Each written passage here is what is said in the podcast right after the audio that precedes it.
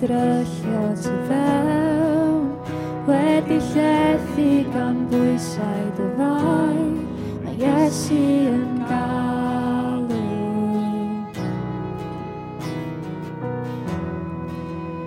Ydy popeth yr ydwyd ar ben Sgen ti syched am yfed o'r ffrwd Mae Iesu yn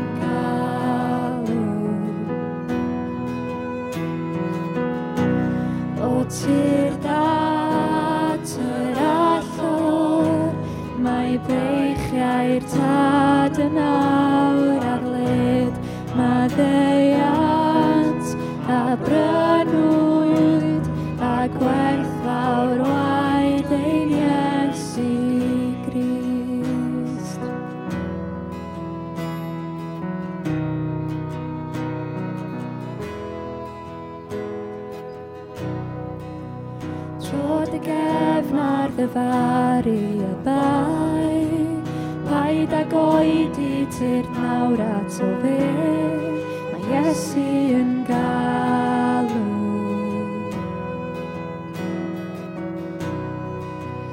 Ti'r dathalar gorfod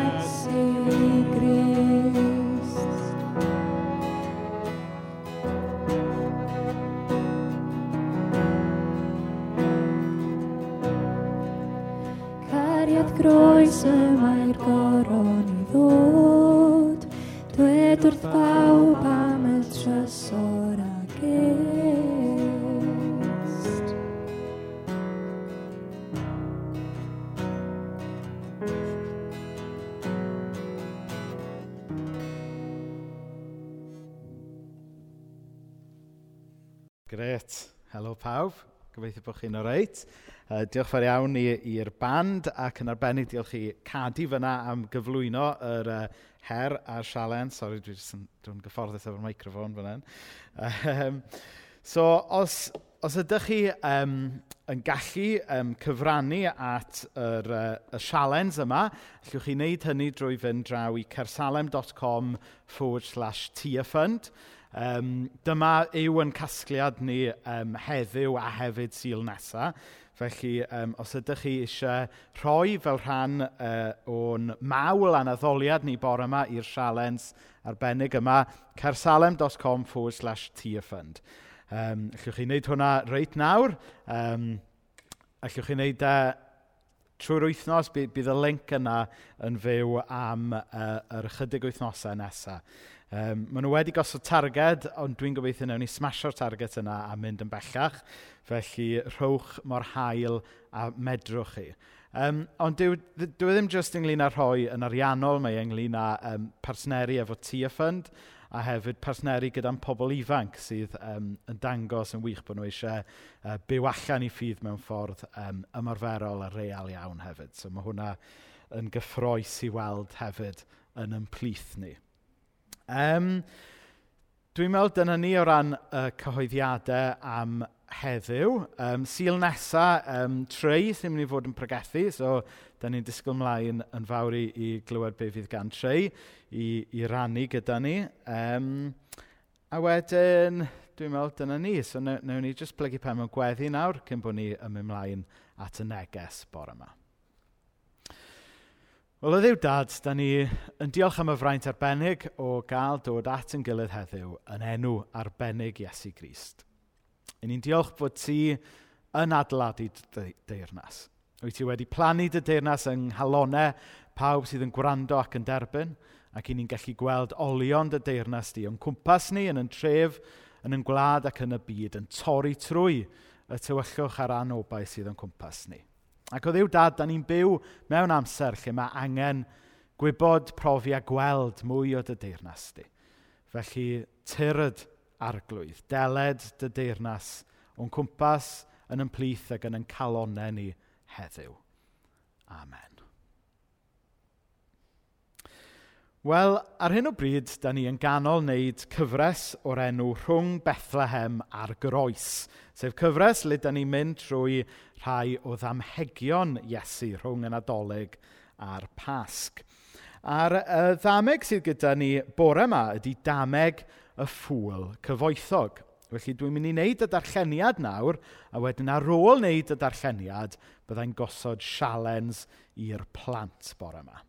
Felly mae'r darlleniad bore yma yn dod o Efengil lyc, uh, penod 12 a dechrau darllen yn adnod 13. Dwi'n dwi mynd yn hen, dwi'n meddwl, dwi'n goffo codi beibl.net fyny i fod yn agosach i fi weld y print. Yna, dyma rhywun o ganol y dyrfa yn galw arno. Athro, mae fy mrawd yn gwrthod rhannu'r eiddo mae dad wedi adael i ni. Dwed wrtho am ei rannu. Atebodd Iesu, ffrind, pwy wnaeth fi yn farnwr neu'n ganolwr i sortio rhyw broblem felly rhyngwch i'ch dau? Yna dywedodd, gwyliwch eich hunain. Mae'r awydd i gael mwy a mwy o bethau yn beryglus. Dim faint o bethau sydd gynnwch chi sy'n rhoi bwyd go iawn, bywyd go iawn i chi. A dywedodd stori wrthyn nhw. Roedd rhyw ddyn cyfoethog yn berchen tir, a chafodd gnwd arbennig o dda un cynheiaf. Does gen i ddim digon o le i storio'r cwbl, meddai. Beth wna i? Dwi'n gwybod, tynnu'r hen ysgyborau lawr ac adeiladu rhai mwy yn ei lle. Bydd gen i ddigon o le i storio popeth wedyn. Yna bydda i'n gallu eistedd yn ôl a dweud wrtho, wrtho'n hun, mae gen i ddigon i bara am flynyddoedd lawer. Dwi'n mynd i ymlacio a mwynhau fy hun yn bwyta ac yn yfed. Ond dyma Dyw yn dweud wrtho, y ffwl dwl. Heno ydy'r noson rwy ti yn mynd i farw. Pwy fydd yn cael y cwbl rwy ti wedi gasglu ti dy hun? Ie, yeah, Fel yna bydd hi ar y bobl sy'n casglu'r cyfoeth iddyn nhw eu hunain, ond sy'n dlawd mewn gwirionedd am eu bod nhw heb ddew. Wel, dameg bwerus. Um, so, bore yma blant, um, dwi eisiau chi adre trio adeiladu rhywbeth sy'n adrodd stori y ddameg yma ynglyn â'r ffwl cyfoethog yn adeiladu y sgubor fawr. Nawr, falle bod chi eisiau adeiladu sgubor allan o Lego, neu falle bod chi eisiau mynd next level lan a adeiladu sgubor allan o cushions a, a bedsheets a beth bynnag. Sorry, mam a dad. Um, a wedyn, Um, a wedyn diwedd y bore, allwch chi dynnu llun o'r sgubor mawr da chi wedi um, adeiladu um, a danfon llun mewn um, i fi a newn ni rannu'r lluniau yna ar tudalen Facebook Cersalem nes ymlaen heddiw. A wedyn, dwi eisiau chi hefyd, dwi heb checio hwn mlaen efo mam tu ni eto, ond A ar ôl adeiladu'r sgubor, ddim jyst dwi eisiau llun, ond dwi eisiau ffilm, iawn, o chi yn gweiddi ar mam neu dad neu rhywun arall yn y tŷ, y ffwl dwl. so, um, yeah, so dyna da ni mynd i wneud, a wedyn wrth bod chi'n cael hwyl yn wneud hyn, all mam a dad hefyd esbonio'r ddameg, dwi'n siŵr. Um, so dyna yw'r sialens i'r plant bore yma. Nawr, beth bynnag, uh, at y ddameg i hun. Nawr, pan mae'r ddameg yma yn digwydd, oedd Iesu'n sefyll o flaen torf fawr. Uh, mae'n bosib oedd miloedd o bobl yna yn gwrando ar Iesu yn siarad y diwrnod yma. Ond ddim actually ynglyn â hwn oedd Iesu yn siarad. Be nath ddigwydd oedd, nath na rhyw foi torri ar draws Iesu a dod ato fe gyda'r broblem deuluol yma oedd wedi uh, torri ar ei draws e. Nawr, dwi ddim yn gwybod os ydych chi wedi cael y profiad yna o fod yn siarad ynglyn â un peth, a wedyn rhywun yn torri ar eich traws eisiau siarad ynglyn â rhywbeth arall. Nawr, dwi'n cofio blynyddoedd yn ôl nath hwn ddigwydd i fi yma yn Cersalem, falle bod Arwel Alwri yn cofio. O'n i'n just ar fi'n pregethu ynglyn â un peth, ar diweddar anwyl Hugh Edwards, yn torri ar fy nhraws eisiau siarad ynglyn â rhywbeth arall. Ehm, oedd yna rhyw fater yn y cyngor oedd yn mynd â'i sylw fe'n ddigon teilwng ar y pryd. Ac um, a dwi'n cofio, o'n i newydd ddechrau fel gweinidog ar y pryd, a meddwl bod dy fi rhyw hecler yn y gynulleidfa, ac wrth gwrs, dod i adnabod hyw yn dda dros yr amser wedyn, a, a gweld mai dyn um, oedd yn credu'n gryf mewn pethau oedd e. A pan mae rhywun, rhywbeth ar eich calon chi, i chi'n gorfod siarad amdano fe'r foment yna. A dyna mae'n debyg oedd i digwydd fan hyn. Oedd uh, y dyn yma, oedd, en, oedd na dan ynddo fe eisiau sortio rhyw anghyfiawnder oedd wedi dod i'w ranna. Be oedd wedi digwydd mwy na thebyg oedd bod eu tad nhw wedi marw a mi oedd yr etifeddiaeth i gyd by default wedi mynd i'r brawd hun a fe oedd y brawd iau ac oedd e'n meddwl bod e wedi cael tro gwael. Ac felly mae e'n torri ar draws Iesu, mid-flow, eisiau dod â'r mater i sylw Iesu. A mae e'n dweud yn adnod um, 13, Athro, mae fy mrawd yn gwrthod rhannu'r eiddo, mae dad wedi ei adael i ni. Dwed wrtho am ei rannu. Nawr, falle bod hwn yn stori gyfarwydd. Falle bod na ddrwg deimlad falle wedi bodoli yn eich tilioedd chi ynglyn â etifeddiaeth neu wychus neu rhywbeth fel yna o bryd i'w gilydd. A pan mae achosion fel hyn yn codi, mae e'n anodd yn dydi, a mae e'n pwyso yn drwm arnoch chi. A dyna mae'n siŵr o'i sefyllfa y gŵr yma. I ni'n gweld hefyd bod y gŵr yma eisiau cyfiawnder. Ond mae rhywun yn gofyn beth oedd tu ôl hynna, a mae rhywun yn gofyn a eisiau cyfiawnder neu jyst eisiau arian oedd e. Mae'n edrych fel bod achos y dyn yma yn un cyfiawn. Ond weithiau, hyd yn oed pam achos cyfiawn yn pwyso arnoch chi, mae'n gallu'ch meddiannu chi a'ch llethu chi. A weithiau mae ymgyrchu dros rhywbeth sy'n gyfiawn yn gallu'ch gwneud chi yn hunan gyfiawn yn y diwedd. Felly mae yna lot o heinau a lot o ystyriaethau yn mynd mlaen fan hyn. A mae Iesu, mae fel bod Iesu yn gallu gweld cyflwr calon y dyn yma. Rhywun oedd falle wedi cael tro gwael, rhywun falle oedd wedi profi anghyfiawnder, ond bod y profiad yma wedi siro fe a wedi chwerwi i galon e. Ac i ni'n gallu gweld mai dyna sut oedd Iesu yn dachau y sefyllfa oherwydd y ffordd mae Iesu wedyn yn ymateb i'r dyn yma. Mae e'n dweud yn adnod 14, ffrind. Pwy wnaeth fi yn farnwr neu'n ganolwr i sortio rhyw broblem felly rhyngwch chi'ch dau?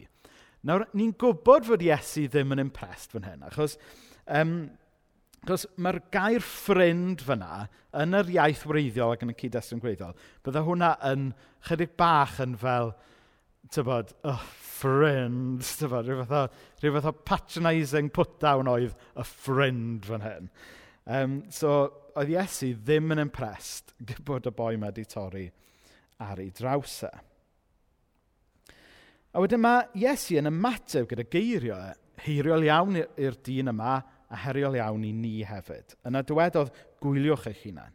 Mae'r awydd i gael mwy a mwy o bethau yn beryglus. Dim faint o bethau sy'n gynnwch chi sy'n rhoi bywyd go iawn i chi.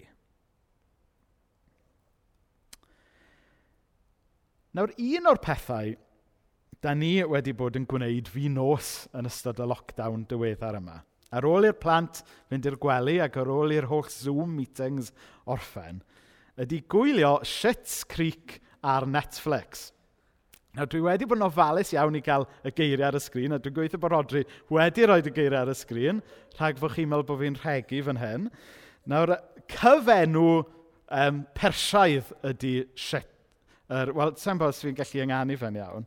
Um, Falle, falle bydd y Tora'n gallu ynganu fe well na fi, achos mae, mae cyfenw o'r, or rhan yna o Ewrop yw, e, ond dwi ddim mynd i gael Tora fyny i, i ddweud y cyfenw yma. Ond anyway, dwi, fel bod fi'n claddu fy hun mewn i doll fan hyn, so a'i mlaen i esbonio. Nawr, rhaglen yw hwn, comedi yw e, um, ynglyn a teulu cyfoethog iawn um, nath gochi y cyfan dros nos, achos bod basically achos bod nhw di, ddim wedi talu, bod yn talu treth, neu bod i cyfrifydd nhw wedi wneud tro gwael gyda nhw.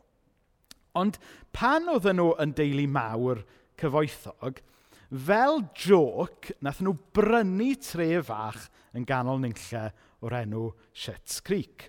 A wedyn ar ôl i'r dyn treth fynd â popeth oedd gyda nhw, yr unig beth oedd gyda nhw ar ôl oedd Shets Creek.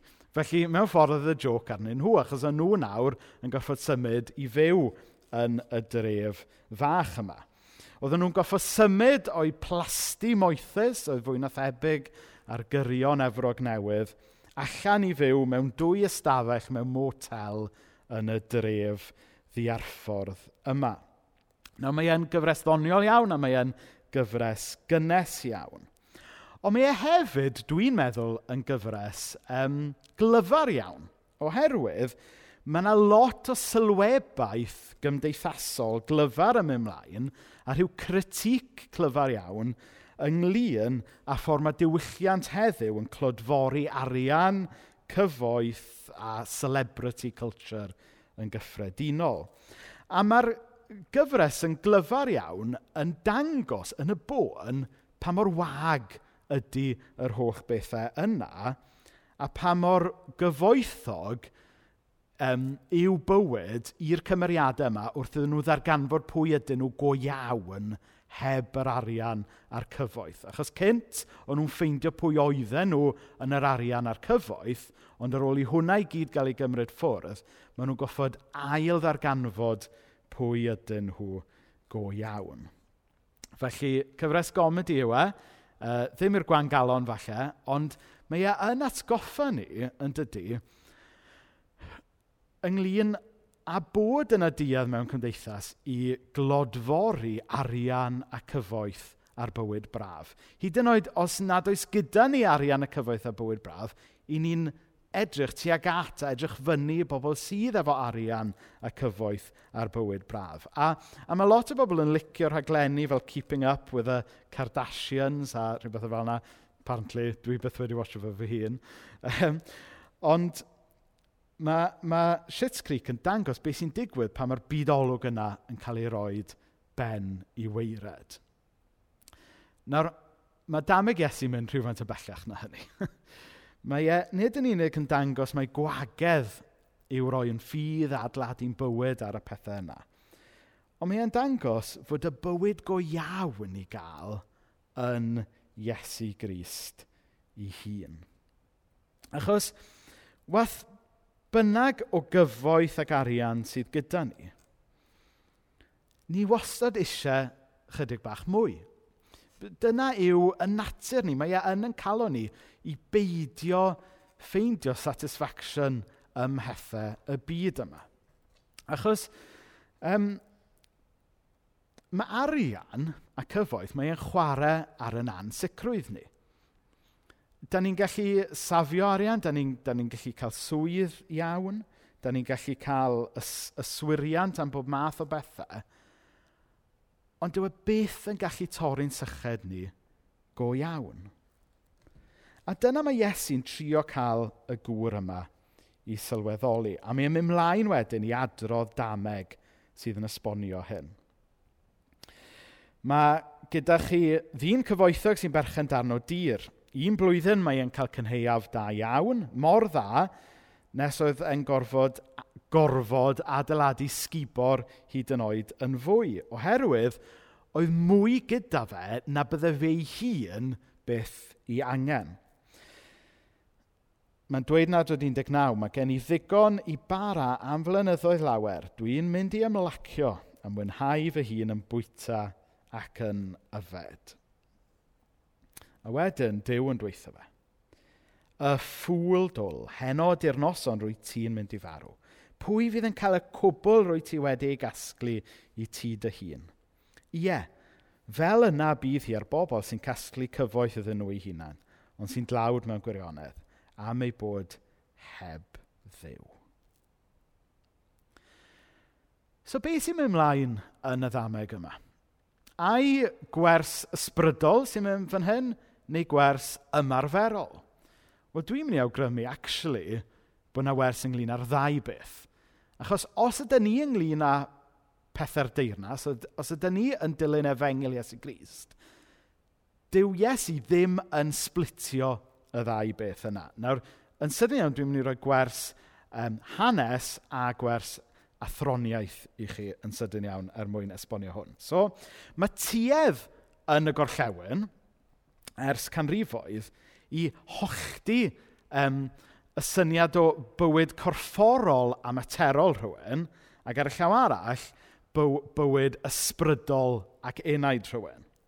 A mae'r diedd yna wedi dod mewn i'r eglwys yn anffodus. Da ni yn syrthio weithiau i, i roi pethau mewn bocsys yn dydyn, bod hwnna'n rhywbeth materol, hwnna'n rhywbeth uh, ymarferol, ond mae hwnna'n rhywbeth um, ysbrydol, mae hwnna'n rhywbeth uwch fel petai. Ond nid o'r Beibl mae'r split yma yn dod, ond yn hytrach o athroniaeth roigaidd. Um, yn arbennig o platoniaeth, Plato. Allwch chi fynd i Wikipedia fe uh, nes ymlaen heddiw os ydych chi yn sad fel fi. Um, ond yn anffodus, mae'r syniad yma o splitio yr, yr ymarferol, y corfforol a'r ysbrydol, mae e wedi dod mewn i'r eglwys a wedi effeithio yn eitha trwm ar chrysnogaeth cyfoes. Ond oedd y traddodiad iddewig, sef beth oedd Iesu'n dod allan ohono fe a be yda ni yn barhad ohono fe, doedd y split yma ddim yn bodoli. Oedd y traddodiad iddewig yn gweld y person fel un person cyflawn oedd ie yn berson cnawdol, materol, bydol, ond hefyd yn berson yn enaid yn ysbrydol, ond oedd e'n un person o fewn un bocs. Doedd y trydydd ddewig ddim yn splitio y person mewn i ddau. Ac felly, dyna sut y dylen ni fod yn darllen y Beibl. Pan da ni'n darllen y Beibl, dylen ni ddim bod yn gofyn y cwestiwn, wel, ydy hwn yn ffitio mewn i'r bocs pethau corfforol, materol, neu di hwn yn ffitio mewn i'r bocs ysbrydol. Na, mae rhaid i ni weld efengil at hyn Dew ynglyn â rhywbeth i'r person cyfan sy'n cyffwrdd y corfforol a'r ysbrydol gyda'i gilydd. Does na ddim fath beth i gael ag efengil ysbrydol, neu ac ar, ac ar y llaw arall efengil gymdeithasol, un efengel sy'n gael sy'n newyddion da i'r person cyfan, yn gorff, yn feddwl ac yn enaid. A dwi'n meddwl mae hwnna'n arbennig o bwysig i ni atgoffa'n hunain wrth edrych ar y ddameg yma. Oherwydd yn y ddameg yma, da ni'n gweld sut mae um, pethau ysbrydol, pethau'r enaid, a'r ffordd da ni'n byw yn bywyd yn ymarferol, i gyd mewn gwirionedd yn rhan o un peth. Nawr, jyst i ni wneud un peth yn glir. Ffydd yn Iesu sydd yn wneud ni'n iawn efo Dyw. Y ffordd mewn i deyrnas Dyw ydy drwy ffydd yn Iesu. Hynny, da ni ddim yn gallu sort of, prynu yn ffordd mewn i'r deyrnas drwy, drwy roi llwyth o bres i'r thing ma mae'r ieuenctid yn gwneud. Nid, nid dyna sut mae dod mewn i'r deyrnas. Ond mae yna baradox yn hyn hefyd. Os ydyn ni wir wedi um, credu, cael yn derbyn, cael yn meddiannu gan gariad Christ, mi fyddwn ni eisiau gwneud a byw bywyd mewn ffordd sy'n deilwng o'r deyrnas da ni'n deud da ni'n perthyn iddo fe. So mae yna rhywfaint o paradox fan hyn, a mae hwnna i weld yn glir yn um, Iago, y darlleniad enwog Iago 2, uh, adnod 14 ymlaen. Frodyr a chwiorydd, beth ydy'r pwynt i rywun honni ei fod yn credu a wedyn gwneud dim byd o ganlyniad i hynny? Ai dyna'r math o gredu sy'n achub rhywun? Er enghraifft, Os ydych chi'n gweld brawd neu chwaer yn bryn o ddillad neu heb fwyd ac yna'n dweud, wel, po bendydd i ti, cadw'n gynnes a gobeithio ceidi rhywbeth i'w fwyta. Beth ydy'r pwynt os ydych chi'n ei adael yno heb roi dim byd iddo? Mae credu ar ben ei hun yr union yr un fath. Os ydy'r credu ddim yn arwain at wneud rhywbeth, mae'n farw gelain. Ac felly ni'n gweld fan hyn yn dydyn. Mae nid dau beth unrelated ydy pethau da ni'n gwneud a pethau da ni'n credu. Ddim dau focs ar wahân ydy ffordd da ni'n byw yn bywyd a be da ni'n credu yn ysbrydol. Ond os ydy ni yn credu yn Iesu ac yn bobl y deyrnas, mae'r cyfan actually gyda'i gilydd. Nid, does na ddim fath beth ac efengil ysbrydol ac efengil gymdeithasol, un efengil sydd, efengil Iesu Grist, sydd yn newyddion da i'r person cyfan yn gorff, meddwl ac enaid, a sy'n newyddion da i gymdeithas cyfan, nid just i'r unigolyn.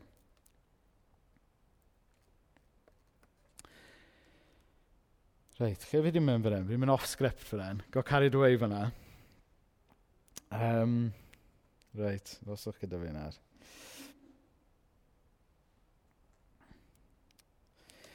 Ie, yeah, so dwi jyst am orffen bore yma drwy ofyn hyn i chi. Lle mae'n diogelwch ni?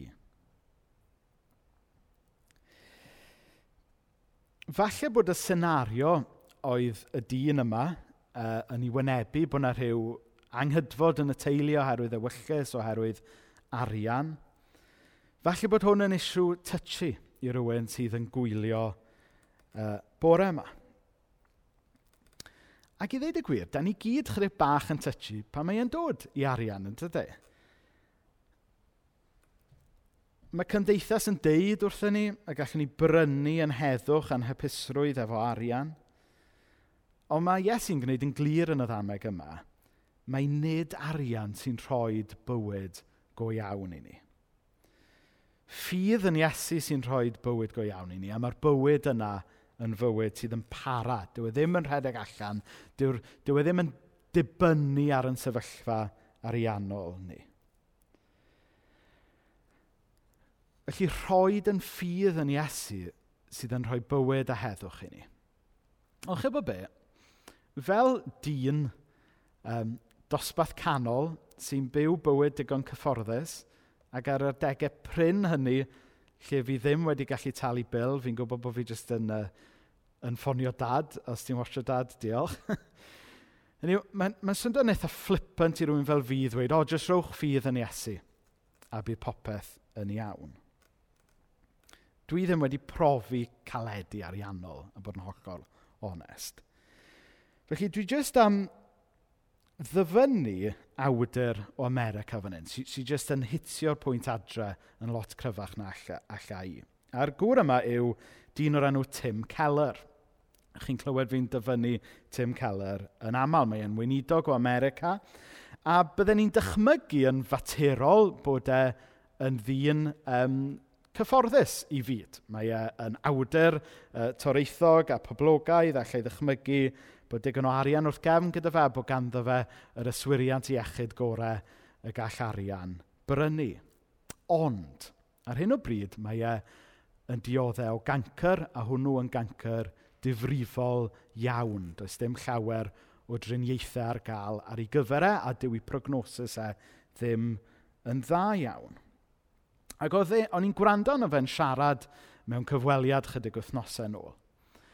A dyma nath e ddweud, you don't realize Jesus is all you need until Jesus is all you have. A pan nes i glywed hwnna, nath e, nath e stopio fi yn yn rhacs. Achos oedd Tim Callan yn dweud, mae, mae wedi bod yn dweud y bregethu hyn trwy oes. Ond nawr achos bod ei hun yn ffeindio hun mewn lle, le mae popeth materol wedi cael ei cymryd i ffwrn neu, neu ddim yn effeithiol – bod e wir yn gallu dweud hwn nawr. You don't realize Jesus is all you need until Jesus is all you have. A falle fod y geiriau yma yn taro rhywun bore yma. Falle eich bod chi, fel y dwi, lawer tro wedi bod yn rhoi yn ffydd mewn adeiladu ysgyborau. Wedi bod yn rhoi yn ffydd yn yn swyddi. Wedi bod yn poeni ynglyn â faint o arian sydd o'r gefn neu os ydych chi wedi cymryd allan insurance ar gyfer hyn a'r llall. Mae'r pethau yna'n iawn yn ei lle. Ond Iesu, actually, yw'r unig beth sy'n mynd i gario ni a rhoi gobaith i ni trwy y cyfan. A wedyn ochr arall y geiniog, os ydyn ni wedyn wedi cael yn dal a'n cyffroi gan yr Iesu yma, yna byddwn ni eisiau byw bywydau wedyn, sy'n nid yn storio cyfoeth i ni yn hunain, ond eisiau byw bywyd yn bendithio eraill gyda'r ychydig gyfoeth mae Dyw wedi rhoi i ni fod yn stiwardiad ohono fe. Gen i blygu pen mewn gweddi. Wel, o ddiw dad, da ni yn diolch i ti am y ddameg yma sy'n jyst yn neud i ni feddwl am bob math o bethau. Mae e'n neud i ni feddwl ynglyn â beth sy'n neud ni'n iawn efo chdi. Mae e'n neud ni feddwl beth da ni'n gwneud efo yn eiddo a'n cyfoeth. Ond yn fwy na dim, mae e'n atgoffa ni bod dy deyrnas di yn cynnig bywyd cyflawn mae tyrnasodd y byd yma ddim yn gallu gyffwrdd. O ddiw dad, os oes yna rhywun yn gwrando bore yma le mae stori y dyn yma yn arbennig o boenus o ddiw dad, oherwydd bod yna rhyw anghydfod teuluol falle'n pwyso rhywun sy'n gwrando bore yma. O ddiw dad i ni'n gofyn i ti ddod â iachad mewn i'r sefyllfa yna. O ddiw dad os oes rhywun yn stryglo i ffeindio heddwch mewn bywyd yn gyffredinol. Yn arbennig felly'n poeni ynglyn â materion ariannol.